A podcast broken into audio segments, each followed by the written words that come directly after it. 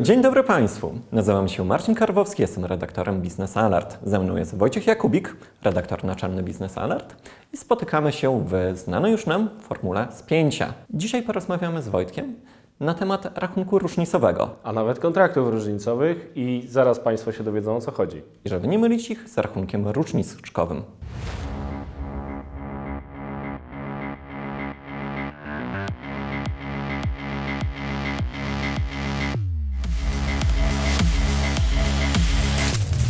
Wojtku, jak już jesteśmy przy tym temacie rachunków e, różnicowych, nie różniczkowych i kontraktu, który został ostatnio zawarty, czym one w ogóle są?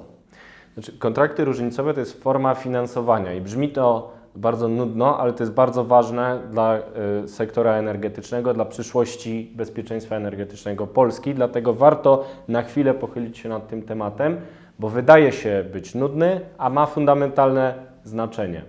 Chodzi o to, że wciąż nie wiemy, w jaki sposób będzie finansowana energetyka w Polsce. Może mieć dla tego e, procesu wielkie znaczenie reforma rynku energii w Unii Europejskiej. Wiemy z poprzednich spięć ze strony biznesalert.pl, że wciąż trwa kryzys energetyczny. Europa odpowiada na niego na różne sposoby. Jednym z nich jest reforma rynku energii. To znaczy fakt, że on funkcjonuje tak jak dotychczas, spowodował, że byliśmy wrażliwi na kryzys energetyczny. To znaczy, rekordowe ceny gazów wywołane przez Gazprom przeniosły się na rynek energii i na nasze rachunki. Wszyscy to odczuliśmy. E, państwa wpompowały miliardy na e, ratowanie gospodarki w dobie kryzysu energetycznego. Polska e, bagatela 100 miliardów złotych co najmniej do, tej, do tego momentu i wydajemy te pieniądze dalej. Więc musimy zmienić funkcjonowanie rynku energii. Znowu, Mamy dużo zmian, które są skomplikowane, ale jedną z nich jest sposób na zapewnienie inwestycji, które dadzą bezpieczeństwo energetyczne i akceptowalną cenę energii, jak na przykład elektrownie jądrowe, bo mamy kompromis, że energetyka jądrowa jest częścią rozwiązania. Daje energię wtedy, kiedy potrzebujemy, nie wtedy, kiedy tylko pogoda sprzyja i daje tę energię w akceptowalnej cenie, ale trzeba jakoś tę energetykę sfinansować, energetykę jądrową. I jednym ze sposobów jest właśnie kontrakt różnicowy. To jest rozwiązanie dosyć proste, ale ma trudną nazwę i dlatego może trochę e, niepokoić tych, którzy mniej znają się na energetyce. Chodzi o to, że ktoś, kto wyda pieniądze, ciężkie zyliony e, dolarów na reaktor, taki reaktor może kosztować kilkadziesiąt miliardów złotych, Ktoś, kto wyda te ciężkie pieniądze, musi mieć perspektywę zwrotu z inwestycji. Nie robi tego charytatywnie. No nie robi. Mało kto robi to charytatywnie. Jak ktoś y, będzie charytatywnie budował reaktory jądrowe, to raczej będzie Władimir Putin i gdzieś będzie jakiś kruczek, bo oczywiście... Albo przycisk czerwony. Albo na przykład czerwony przycisk, tak charytatywnie Władimir Putin buduje reaktory na Białorusi, na Węgrzech i potem są same kłopoty z tego. My chcemy budować inaczej chcemy zapłacić inwestorowi. A jak to zrobić, kiedy on buduje przez dekadę, potem e, elektrownia działa nawet 80 lat? No właśnie, wtedy wchodzi kontrakt różnicowy. To jest umowa, która zakłada, że ktoś, kto zbudował taki reaktor, potem sprzedaje energię po cenie gwarantowanej. I jeżeli ta cena jest e, niższa od warunków rynkowych, no to e, dopłaca budżetowi. Czyli na przykład, jeżeli ktoś ma gotowe reaktory we Francji, to uwaga, to jest bardzo ciekawe, to taki producent dopłaca do rachunku za energię i daje niższe ceny energii na przykład przemysłowi. W ten sposób Francja mogłaby subsydiować y, swoją gospodarkę, dając jej niskie ceny energii. Ale my w Polsce jesteśmy na całkiem innym etapie. My nie mamy jeszcze reaktorów i u nas cena energii na rynku jest generalnie wysoka przez duże nasycenie energetyką węglową, przez jej małą konkurencyjność. Mamy jedne z wyższych cen energii e, na rynku. I e, u nas, kiedy ruszyłby taki reaktor w 2033 roku, w kontrakcie różnicowym cena gwarantowana prawdopodobnie byłaby niższa od rynkowej. Ta cena w kontrakcie byłaby niższa od ceny na rynku.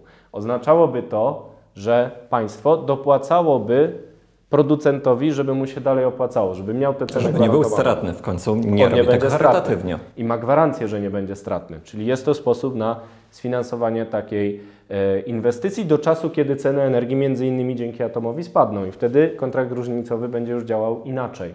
Więc jest to sposób na urentownienie preferowany w reformie rynku Unii Europejskiej i prawdopodobnie to będzie rozwiązanie, które zostanie zastosowane w Polsce, być może poprzez dodanie pewnej opłaty na rachunku za energię elektryczną. Nie każdy wie, że w ten sposób podobny e, finansujemy energetykę konwencjonalną w tym momencie, na przykład y, węglową w Opolu. Na każdym rachunku za energię elektryczną, który sobie możemy w domu obejrzeć, jest tak zwana opłata mocowa. To jest dopłata do tego, żeby elektrownie węglowe dalej były.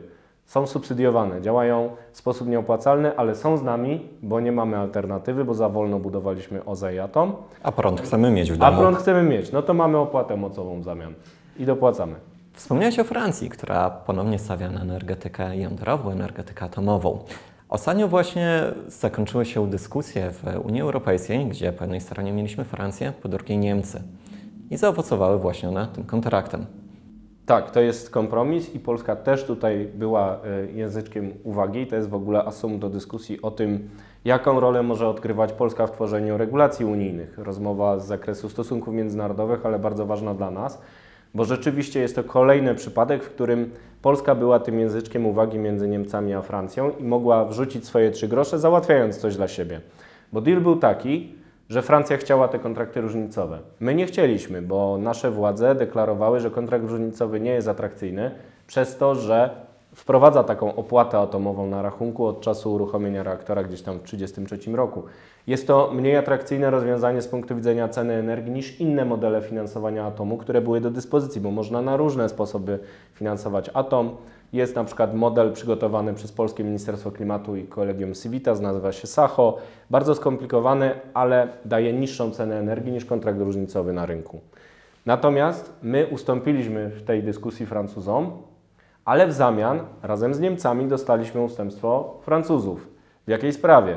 To znaczy ten rynek mocy niesławny, który e, pozwala trwać energetyce węglowej w Polsce, ale w Niemczech też, które cały czas palą węgiel aż miło I będą palić. i będą dalej palić. Rynek mocy będzie mógł wspierać taką energetykę nie do 25 roku, jak chciała Komisja Europejska, tylko nawet do 28 roku. My w Polsce mamy tak zwaną lukę wytwórczą. Mamy kurczącą się kołderkę, coraz większe zapotrzebowanie na energię, a za wolno budujemy nową energetykę. Brakuje nam tych mocy i w latach 20. potrzebujemy węgla. Uwaga, Niemcy też.